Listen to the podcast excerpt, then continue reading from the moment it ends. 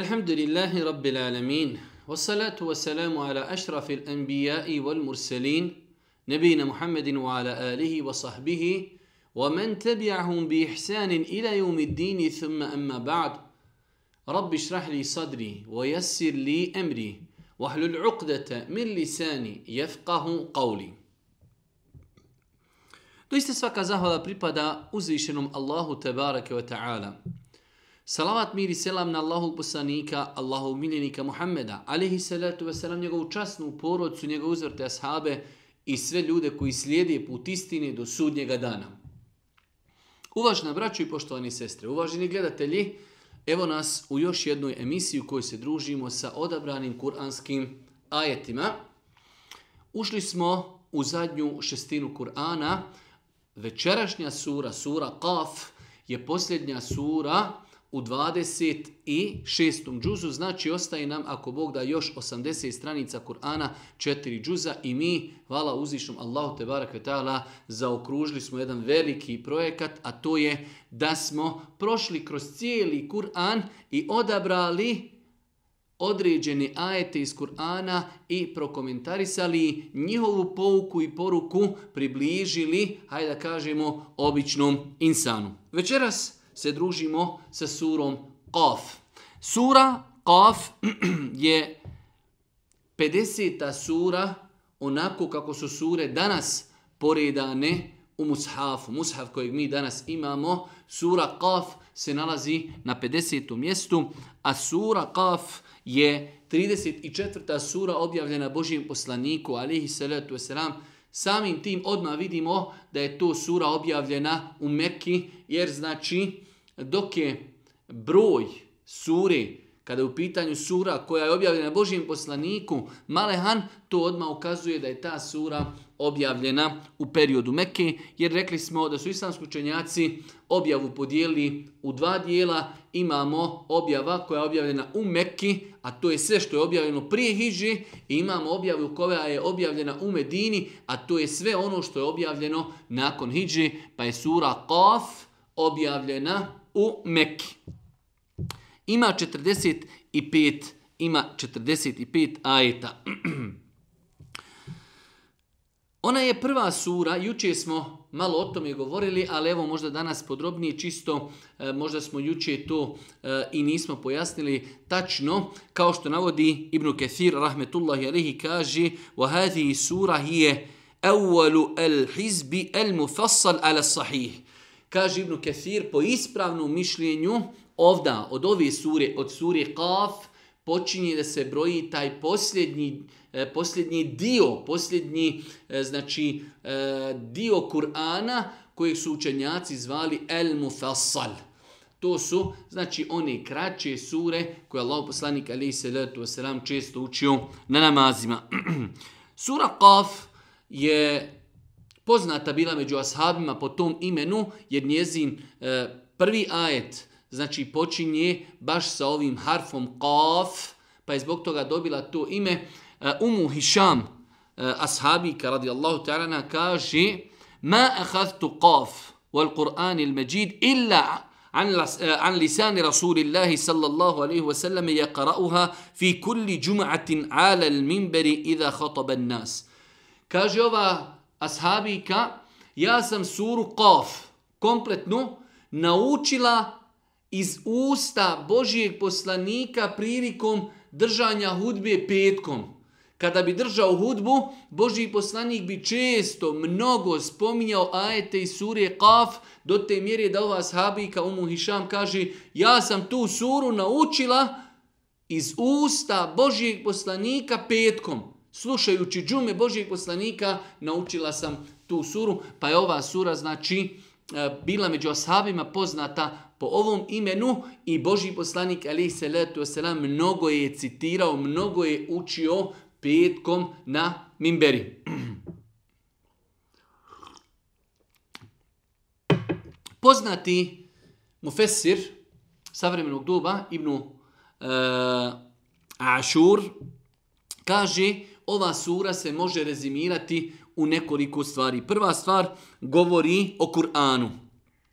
Druga stvar govori o onima koji su utjerivali u laž poslanike i kako je kako se završio njihov dunjalučki život. Isto tako ova sura mnogo govori o proživljenju, govori o tome da je uzvišeni Allah prvi put stvorio ljude, pa kao što je stvorio prvi put, on će ih tako isto i proživjeti drugi put. Isto tako, upozorenje mušicima koji su u laž utjerivali poslanika Muhammeda alihi salatu wasalam, ova sura je isto tako jedno od upozorenja. Ova sura govori o uživanjima mu'mina na ahiretu i ova sura isto tako u jednu ruku Božijem poslaniku alihi salatu wasalam olakšava u pogledu e, toga što ljudi iz njegovog naroda ga utjeruju u laž, ne prihvataju od njega istinu, pa ova sura e, znači jednostavno ublažava Božijem poslaniku alihi salatu wasalam muke kroz koje on prolazio.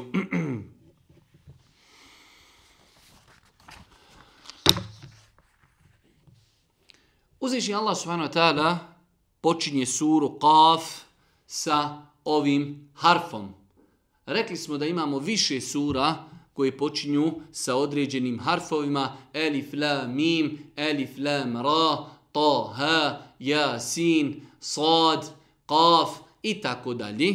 Govorili smo da je dosta učenjaka smatralo da se ti ajeti i ne trebaju tumačiti, a velik broj učenjaka je smatrao da se i ti ajeti mogu tumačiti, odnosno da uzviši Allah te barak vetala na taj način započinjajući određeni sure sa samim određenim harfovima kao da je želio da kaže o čovječanstvo, evo, mi ćemo objaviti suru koja je sačinjena od harfova koje vi koristite u svakodnevnom govoru, zašto vi od tih istih harfova ne možete smisliti i napisati i sastaviti harfova suru koja je identična kuranskim surama. Pa kaže uzvišeni Allah, Qaf wal Qur'an il Majid, bel ađibu, en jaehum munzirum minhum, fa kale al kafirune, hada šeyun ađib, Qaf.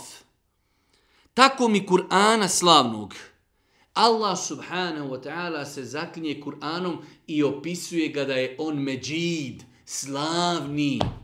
لقد انزلنا اليكم كتابا فيه ذكركم افلا تعقلون مي vam objavljujemo knjigu u kojoj je slava vaša hoćete li se opametiti pa uzvišeni Allah rekli smo ima pravo kao gospodar zemlje i nebesa da se zakune bilo čim on hoće dok mi njegova stvorenja imamo pravo samo da se zaklinjemo Allahom, njegovim imenima i njegovim svojstvima. Pa uzvišeni Allah se zaklinje Kur'anom što ukazuje na veličinu to Kur'ana, a još opisuje ga da je El Međid, slavni i veličanstveni. Qaf wal Qur'an il Međid, tako mi Kur'ana slavnog.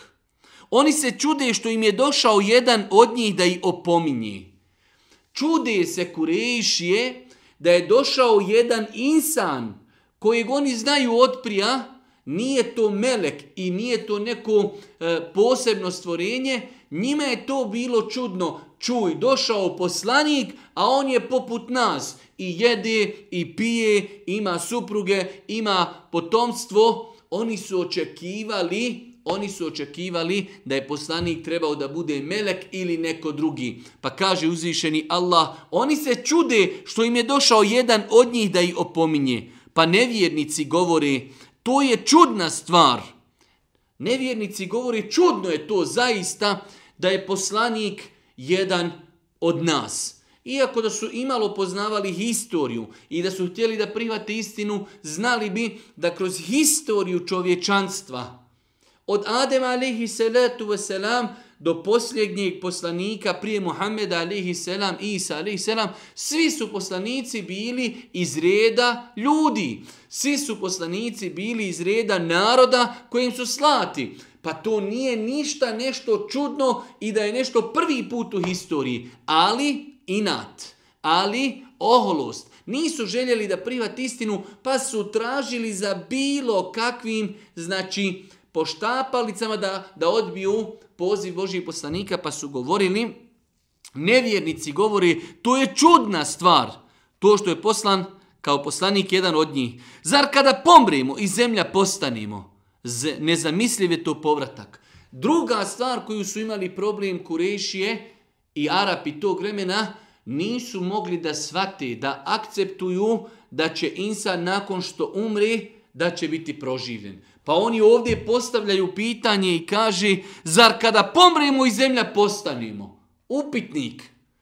Pitaju oni, a zar ćemo tada biti proživljeni? Zalike rađun ba'id, nezamisliv je to povrat, daleko, teško je to da se može desiti. Dva znači problema s kojim su se susretali kurešije, bilo im je teško prihvatiti da je poslanik jedan od njih I teško im je bilo prihvatiti da će oni i njihovi očevi i njihovi potomci koji umru, da će biti proživljeni. Kaže uzvišeni Allah subhanahu ta'ala, mi znamo šta će od njih zemlja oduzeti. U nas je knjiga u kojoj se sve čuva. Oni međutim poriču istinu koja im dolazi i smeteni su. Mi znamo šta će od njih zemlja oduzeti. Allah, Žešan, pogledajte njegovo znanje i njegov ilm sveobuhvatni, znamo, kaže, kad umru i kada budu zakopani, kada njihova tijela počnu truhnuti, kada njihova tijela budu uništena, mi znamo koliko i kako će njihova tijela biti uništena. Što ukazuje na veličinu znanja uzvišenog Allaha, mi znamo šta će od njih zemlja oduzeti. U nas je knjiga u kojoj se sve čuva. Allah Đelešanu ima knjigu koja se zove Leuhi Mahfuz, u koju je zapisano sve šta će se desiti do sudnjega dana. Oni, međutim, poriču istinu koja im dolazi i smeteni su. Bel kezebu bil haq, oni poriču istinu koja dolazi. Istina je Kur'an, istina je poslanica Muhammeda alihi salatu wasalam, istina je poslanstvo Muhammeda alihi salatu wasalam. Nakon ovih pet ajeta uvodni, uzvišeni Allah prelazi e, u drugim ajetima e, e, u, u kojima govori o određenim stvorenjima koja opet ukazuju na stvoritelja Allaha subhanahu wa ta'ala. Pa kaže uzvišeni Allah, أفلم ينظروا إلى السماء فوقهم كيف بنيناها وزيناها وما لها من فروج kaže uzvišeni Allah, a zašto ne pogledaju nebo iznad sebe? Kako smo ga sadidali i ukrasili i kako u njemu nema nerijeda ni pukotina. Allahu ekber. Na dosta mjesta u Kur'anu uzvišeni Allah poziva čovječanstvo i ljude pogledajte u nebo. Naveći, kada čovjek pogleda kada je vedro nebo, kada pogleda zvijezde, kada pogleda to savršenstvo, pa uzvišeni Allah na dosta mjesta poziva i kaže zašto ljudi ne pogledaju u nebesa, kako smo ih izgradili, kako smo ih uljepšali, kako je nebo čisto, kako je lijepo. Pogledajte te zvijezdice koji ukrašavaju nebo, وَمَا لَهَا مِنْ فُرُوجِ Nema na tom nebu nikakvi nepravilnosti, nikakvi pukotina, nikakvi devijacija. Sve je savršeno, sve je lijepo, sve je potpuno. Mjesec, zvijezde, sunce, galaksije, planete, kosmos. Sve je savršeno. Pa uzvišeni Allah kaže Efelem janvuru ire sema. Zašto ne pogledaju u nebo? Je li moglo to nebo samo nastati? Nemoguće. To nebo ima gospodara koji ga je stvorio. Taj gospodar zbog njegove veličine zaslužuje da se njemu pokorimo i da njemu i badete činimo. Pa kaže uzvišeni Allah, a zemlju smo rasprostrli, rasprostrli i po njoj nepomična brda pobacali i dali da iz nje niči raznovrsno prekrasno bilje da bi razmislili i opomenuo se svaki rob koji gospodaru svome se obraća.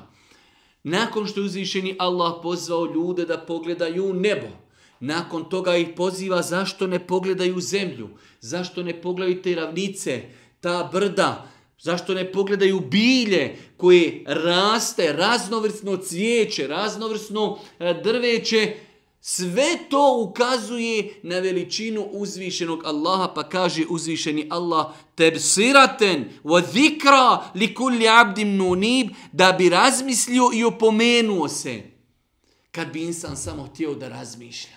Pogledajte samo te planine, pogledajte rijeke, pogledajte bilje, ista kiša pada sa neba i na jednom mjestu raste cvijeće crveno, na drugom žuto, na drugom plavo i tako dalje. Ista zemlja, ista kiša, ali Allah Đelešanu je dao različito bilje, različite rijeke, različite planine, sve to ukazuje na veličinu uzvišenog Allaha subhanu wa ta'ala. Nakon toga treća stvar, prva stvar je poziv da se vidi nebo, da se razmišlja o nebu, poziv da se pogleda u zemlju i ono što je na zemlji, nakon toga poziv da se promatra kiša. Pa kaže uzvišeni Allah, وَنَزَلْنَا مِنَ سَمَاءِ مَاءً مُبَارَكَ فَأَمْبَتْنَا بِهِ جَنَّاتٍ وَحَبَّ الْحَصِيدِ Mi s neba spuštamo vodu kao blagoslov i činimo da uz pomoć njenu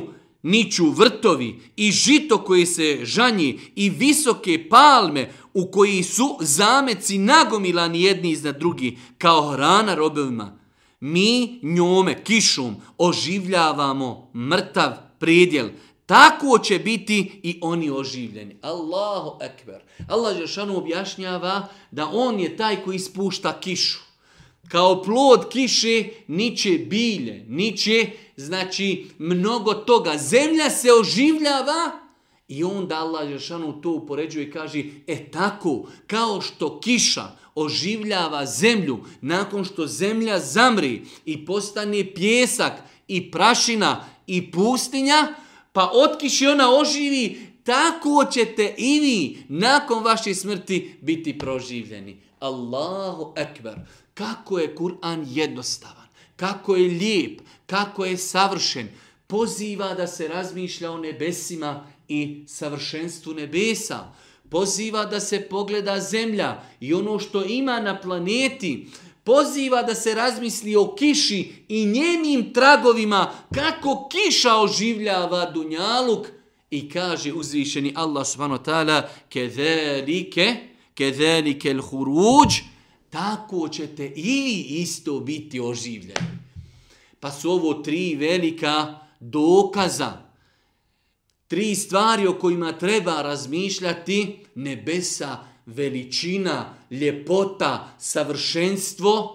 Zemlja, planine, rijeke, opet savršenstvo. Sve to ukazuje na veličinu uzvišnog Allaha i nakon toga kiša. Kiša dolaza kiši, oživljavanje zemlji, plodovi kiši, pa kao što zemlja, kao što zemlja bude oživljena razlogom kiši, tako će uzvišeni Allah oživjeti ljude na sudnjem danu. Nakon toga, uzvišeni Allah subhanahu wa ta'ala spominje da je bilo i priješnjih naroda koji su u lažu terivali poslanike, pa su zbog toga uništavani. Kao vid prijetnje i upozorenja Kurešijama i svim onim danas koji dolaze, a idu putem Kurešija, koji odbijaju i da privataju da je Muhammed alihi salatu wasalam Allahu poslanik, pa kaže uzvišeni Allah, kezebet, قبلهم قوم نوح واصحاب الراس وثمود وعاد وفرعون واخوان لوط واصحاب الايكه وقوم التبع كل كذب الرسل فحق وعيد prije njih poricali su narod Nuhov i stanovnici Resa i Themud i Ad i narod Faraonov i narod Lutov i stanovnici Ejke i narod Tube svi su oni poslanike lažni smatrali i kaznu moju zaslužili. Svi su oni moje poslanike lažnim smatrali, šta nakon toga i kaznu zaslužili. Pa je jedan od razloga kažnjavanja, kazni na Dunjaluku, to što ljudi povrh svih tih dokaza koje su donosili poslanici, a koji su toliko jasni i očiti, kada su u lažu tjerivali poslanike, Allah im je slao kazne na Dunjaluku prije ahiretske kazne. Pa imamo Kur'an na više mjesta govori kako je uništen Salihov narod, a Hudov narod, kako su uništavani prijašnji narodi jer su u laž utjerivali poslanike koji su im dolazili. Pa kaže uzvišeni Allah, prije njih, prije vas, o Kurešije, Poricali su narod Nuhov i stanovnici Resa i Themuda i Ad i narod Faraonov i narod Lutov i stanovnici Ejke i narod Tube. Svi su oni poslanike lažnim smatrali i kaznu moju zaslužili. Pa je razlog zasluživanja kazni na Dunjaluku prije Ahireta utjerivanje u laž lažnosti poslanika. Pa kaže uzvišeni Allah, pa zar smo prilikom prvog stvaranja malaksali? Upitno! Allah Đeršanu se čudi i pita, a zar smo se to mi prilikom vašeg prvog stvaranja se umorili? To be jarabi! Kella! Gdje će se uzvišeni Allah umoriti? Pa Allah Đeršanu kaže, kaže, efe'ajina bil halqil awal, bel hum fi lepsi min halqin jadid. Pa zar smo prilikom prvog stvaranja malaksali? Ne, ali oni u ponovno stvaranje sumnjaju. Jednostavno, kao što je uzvišeni Allah ljude stvorio prvi puta, isto tako će ih proživjeti iz njihovih kaburova onda kada on subhanu wa ta'ala tjedni.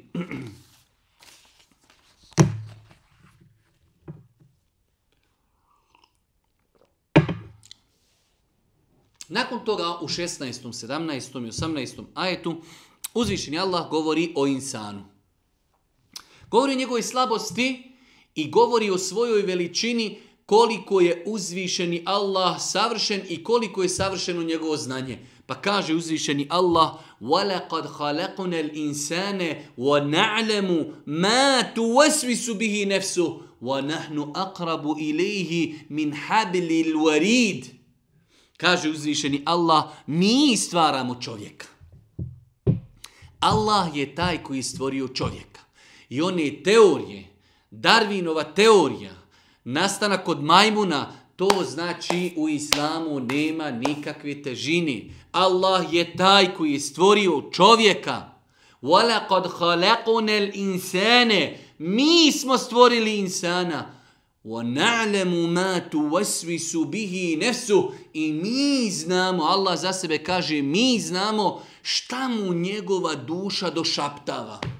Insan kada sjedi i razgovara sam sa svojom dušom, duša ga poziva na grijeh ili ga poziva u neki hajr, uzvišeni Allah to došaptavanje zna. Pogledajte koliko je savršen uzvišeni Allah. Ne samo da zna ono što mi govorimo i ono što mi radimo – zna šta nam naša duša došaptava. Ima li prostora za licemjerstvo? Ima li prostora za zavist u našem srcu? Za mržnju? Ako znamo da uzvišeni Allah zna šta je u našem srcu, šta naša duša došaptava nama. وَلَقَدْ خَلَقُنَ الْإِنسَانَ وَنَعْلَمُ مَا تُوَسْوِسُ بِهِ نَفْسُ Mi smo stvorili čovjeka i mi znamo šta mu njegova duša došaptava. Jer mi smo njemu bliži od vratne žile kucavice. Allahu ekber. Allah je svojim znanjem, spoznajom, bliži čovjeku od njegove vratne žile kucavice. Gdje je vratna žila? Pa ona je u nama samima. Allah je svojim znanjem, i njegovi meleki i njegov, njihovo prisustvo bliži nama i bolje nas znaju od te naše vratne žile kucavici. Treba li insanu išta više da spozna veličinu svoga gospodara i njegovo znanje, apsolutno znanje uzvišenog Allaha. Kada se dvojica sastanu i sjednu jedan s desne, a drugi s lijeve strane, on ne izusti ni jednu riječ, a da pored njega nije prisutan onaj koji bdije, kada sjednu pored insana i zaustavi se i dođu i nadziru ga i kontrolišu, pišu ono što on govori dva meleka, jedan s desne, a jedan s lijeve strane. Pa insan ni jednu riječ ne kaže, a da pored njega nisu ti časni pisari koji to pomno zapisuju.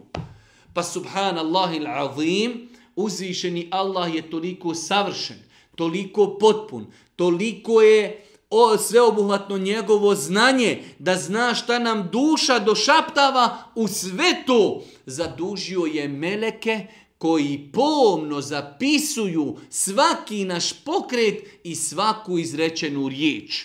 Zato je došlo u vjerodostojnom hadisu da Allah poslanik kazao donijeće se čovjeku na sudnjem danu 99 registara, knjiga, deftira, u kojima su zapisivana njegova dobra i loša djela. Dužina jednog tog deftera je onoliko koliko mogu pogledati čovjekove oči.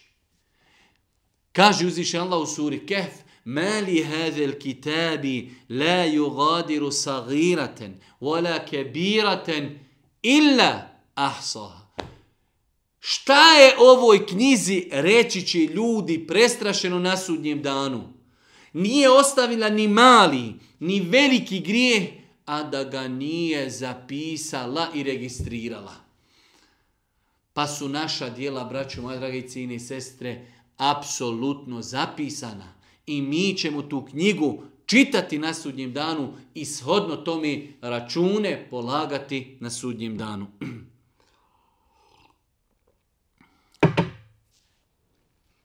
U 19. 20. 21. Allah subhanahu wa ta'ala govori o stvarnosti koja čeka svakog insana. Koja je to stvarnost? Stvarnost odlaska sa dunjalukama. Pa kaže uzvišeni Allah, وَجَاءَتْ سَكْرَةُ الْمَوْتِ بِالْحَقِّ ذَلِكَ مَا كُنْتَ مِنْهُ تَحِيدُ Smrtne muke će zbilja doći, to je nešto od čega se ne može pobjeći. La ilaha illallah. Koliko nam je potrebno i koliko nam je bitno ovo kuransko pravilo. وَجَاءَتْ سَكْرَةُ الْمَوْتِ بِالْحَقِّ ذَلِكَ مَا كُنْتَ مِنْهُ تَحِيدُ i smrtne muke će svakome doći. To je nešto od čega se ne može pobjeći. Ako ne možemo pobjeći, šta možemo? Možemo se pripremati za dan odlaska sa Dunjaluka. Pa nas ovaj kuranski ajet i upozorava. Ali isto tako, ovaj kuranski ajet jednostavno nas budi iz ove dunjalučke trke i kolotečine. O Allahov robe! robe! وَجَاءَتْ سَكْرَةُ الْمَوْتِ بِالْحَقِّ Doista, istina je da će svaka duša okusiti smrt. Pa kaže uzvišeni Allah, smrtne muke će zbilja doći. To je nešto od čega se ne može pobjeći. I u rok će se puhnuti. Rekli smo, i o tome smo više puta govorili, pred kraj Dunjaluka uzvišeni Allah subhanahu wa ta'ala će narediti meleku, za koju većina učenjaka kaže da je melek Israfil, da će puhnuti u rog i svi ljudi koji su na planeti će od toga pomrijeti. Nakon toga će biti drugo puhanje u rog gdje će ljudi biti proživljeni. Pa kaže uzvišeni Allah subhanahu wa ta'ala i u rog će se puhnuti. To je dan kojim se prijeti i svako će doći, a s njim vodič i svjedok. Ti nisi Mariju za ovo, pa smo ti skinuli koprenu tvoju, danas ti je oštar vid sa svakim čovjekom će doći sa ikun wa shahid. Kada čovjek bude proživljen, imaće jedan melek koji ga vodi, koji za njega zadužen i šehid, onaj koji će donijeti ono što je zapisano o njemu. Allahu ekber. Svaka duša će smrt okusiti. Od toga se ne može pobjeći. U rog će biti puhnuto. Svi ćemo umrijeti. Svi ćemo biti proživljeni svako će od nas imati saikun wa shahid u svakog od nas će doći melek koji će nas dovesti na mjesto polaganja računa i melek koji će donijeti šehid, šahid, svjedok koji će svjedočiti i donijeti ono što je zapisano o nama i našem životu.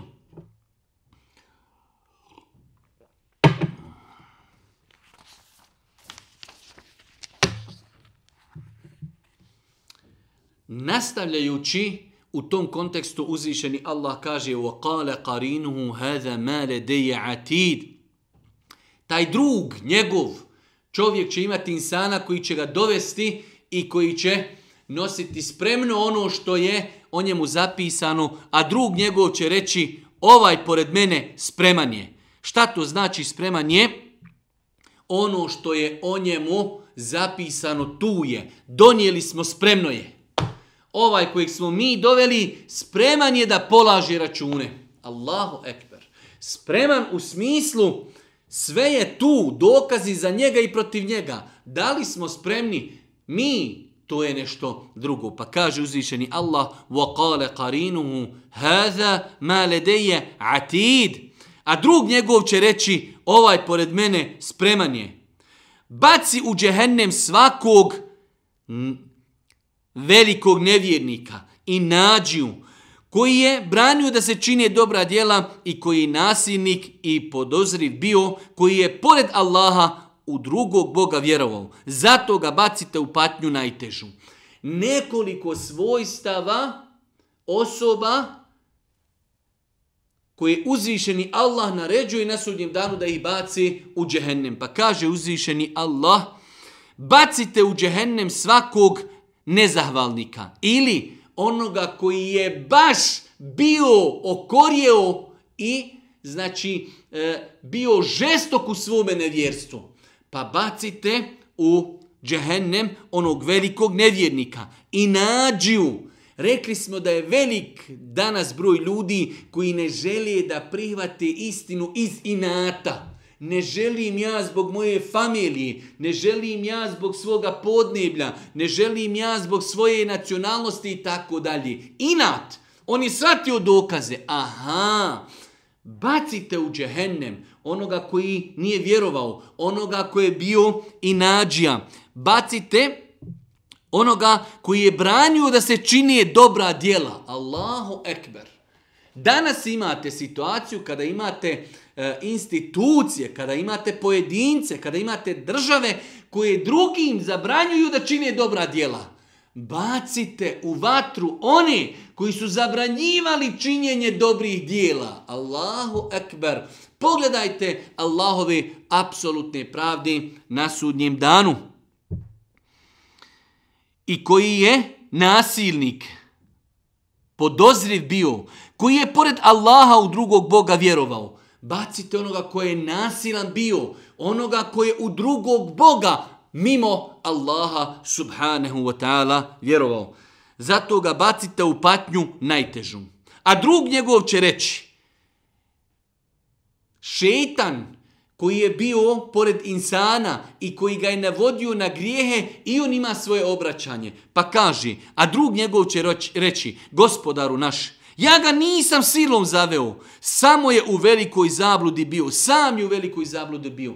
Sjećate se ajeta kad smo komentarisali, koliko se sjećam suru Ibrahim, kada Allah Đelšanu kaže da će šeitan održati svoj govor u džehennemu, pa će kazati, ja nisam imao snagu i moć, ma kane li alejkum min sultanin illa an da'awtukum fastajabtum li ja nisam imao moć niti snagu da vas pozovem u grijehe da vas gurnem u džehennem ali sam vas pozivao a vi ste se odazivali pa insan pogledajte kako uzvišeni Allah ljudima pojašnjava ovi koji idete u grijehe ovi koji ostavljate namaz ovi koji idete u nemoral, znajte da nemate opravdanja. Šeitan koji vas navodi na to samo vas došaptava, samo vam došaptava i poziva. Ne može vas nasilu odvesti u kladionicu, ne može vas nasilu odvesti u,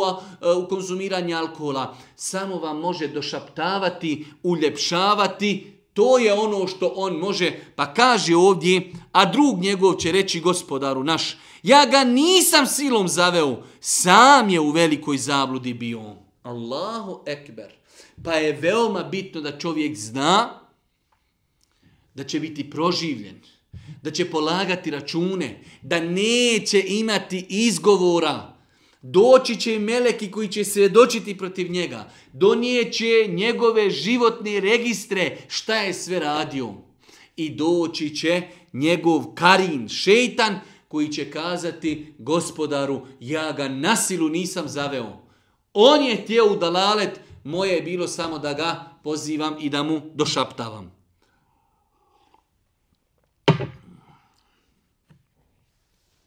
Nakon toga uzvišeni Allah subhanahu wa ta'ala govori o jednoj izuzetnoj sceni o e, na sudnjem danu. Pa kaže: "Yawma naqulu li jahannama hal imtala'ti وَتَقُولُ هَلْ مِمْ مَزِيد Govori uzvišeni Allah o džennetu i govori o džehennemu.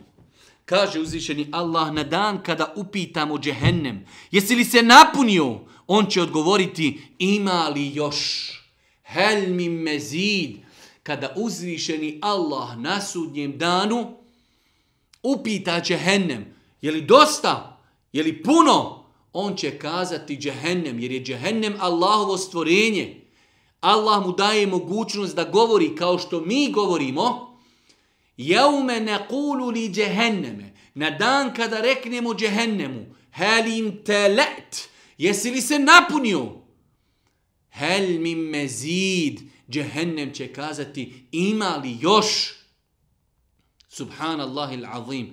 Insan nekada u svojoj slabosti, u džehlu, u neznanju, u šetanskim došaptavanjima kaže pa zar je moguće da toliko miliona i milijardi ljudi ima nevjernika i da će to sve završiti u džehennemu? Ovaj ajet je odgovor. Hel mi mezid, džehennem će reći ima li još, ima li još, daj, ima mjesta za patnju u džehennemu. Pogledajte, Nakon toga odma uzvišeni Allah, nakon što zastraši svoje robove, odma govori o džennetu, pa kaže wa uzlifet il džennetu lil muttaqine gajra ba'id. A džennet će biti primaknut časnima, bogobojaznima, neće biti ni od jednoga daleko. Allahu ekber.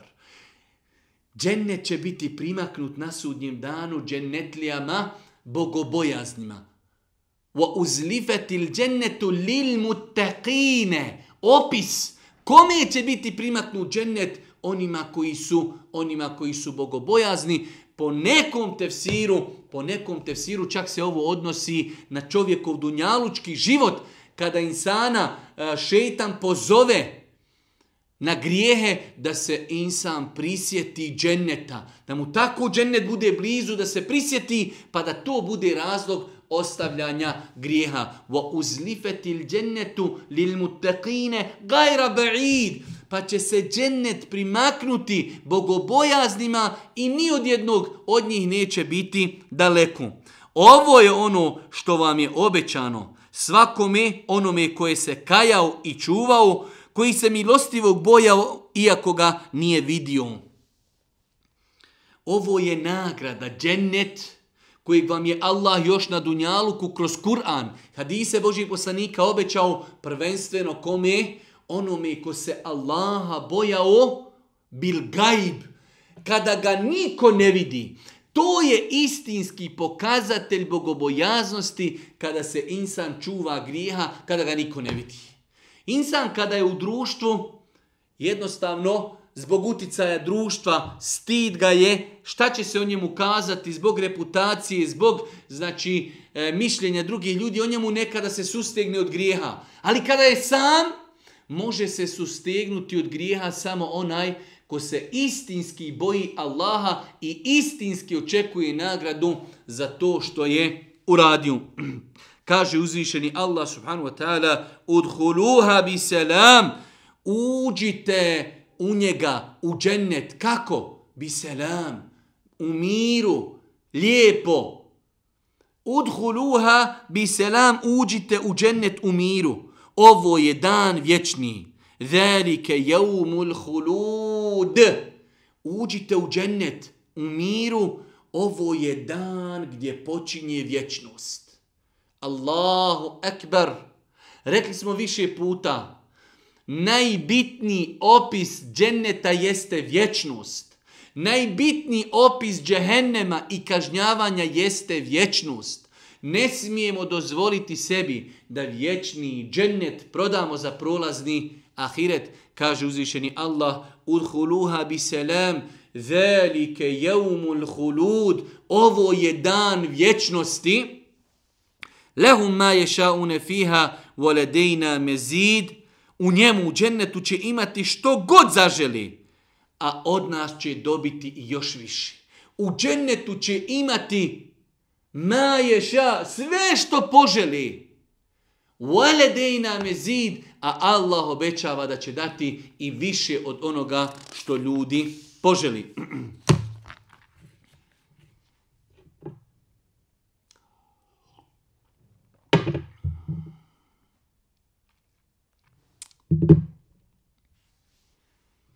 Nakon toga, uzvišenje Allah s.w.t. spominje, nakon što je spomenuo da je on taj koji stvorio čovjeka, uzvišeni Allah spominje da je on taj koji stvorio nebesa, pa kaže وَلَقَدْ خَلَقُنَ السَّمَاوَاتِ وَالْأَرْضَ وَمَا بَيْنَهُمَا فِي سِتَّتِ اَيَّامٍ وَمَا مَسَنَا مِنْ لُغُوبٍ Mi smo stvorili nebesa i zemlju i ono što je između njih za šest vremenskih razdoblja i o tome smo već govorili ili u šest dana. I, iako smo rekli po konsenzusu islamskih učenjaka, riječ ovdje dan ne odnosi se na dan kojeg mi danas imamo, ali je korištena riječ dan.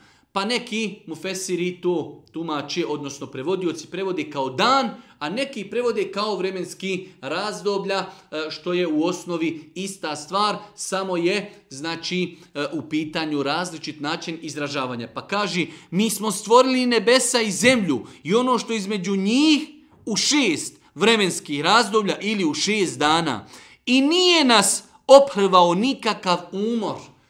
Allah Đelešanuhu, negira od sebe bilo kakav vid manjkavosti, leji se ke mithlihi šeji, ništa nije kao on. Mi kada nešto radimo, mi se umorimo, jer smo u osnovi podležni slabosti, jer smo manjkavi, uzvišeni Allah je savršen, potpun, apsolutno nije potreba nas. Pa kaže, وَمَا مَسَنَا مِلُّ غُوبُ Stvorili smo zemlju, stvorili smo nebesa i ono što je između, ali nikakav nas umor nije savladao niti nadvladao. Zato strpljivo Muhammede podnosi ono što oni govori. Muhammede, tebe vrijeđaju, tebe udaraju, tebe bojkotuju, tebe su protjerali, strpi se, pa kaže uzvišeni Allah, fasbir ala ma yekulun. Zato strpljivo podnosi ono što govori. Mnogo teško pada čovjek ono što drugi govori. Fasbir ala ma yaqulun. Strpi se Muhammede na onome što govori da nisi poslanik, da si ti pjesnik, da si ti lažac, da si ti ovo, da si ono. Strpi se na onome što oni govori i veličaj gospodara svoga i zahvaljuj mu prije sunčeva izlaska i prije zalaska i veličaj ga noću i poslije obavljenje molitvi.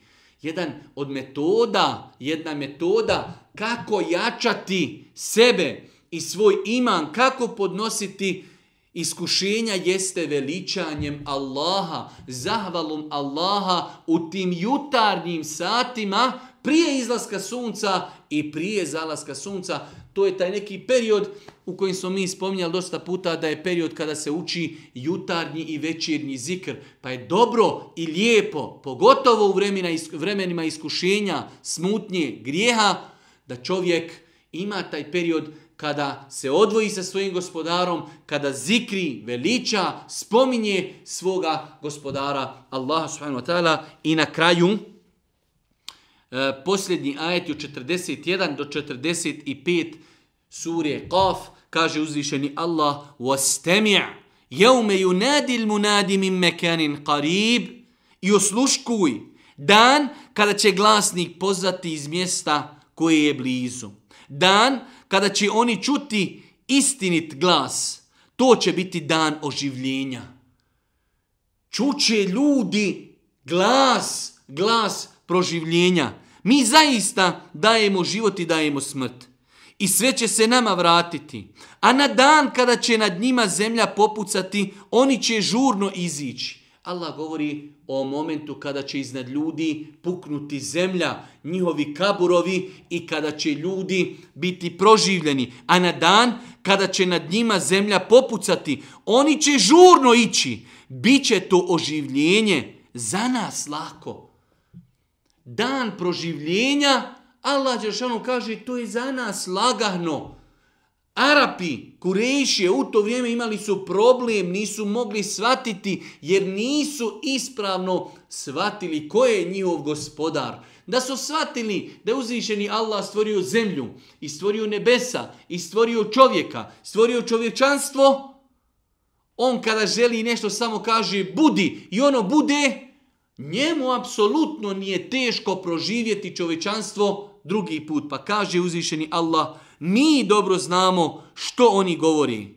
Ti ih ne možeš prisiliti, nego podsjeti Kur'anom onoga ko se prijetnje moje boji. Fezekir bil Kur'ani men je hafu wa'id, nahnu a'lemu bima je kulun. Mi znamo, Muhammede, ono što oni govori. Wa ma enta alihim bi džebar. Wa Ti ne možeš, Muhammede, nikoga nasilu uvesti u islam i to je jedna od najljepših odlika vjeri. La i krahe fi din. U islam se ne može i ne smije nasilu neko uvoditi. Fezekir bil Qur'ani men je hafu wa'id.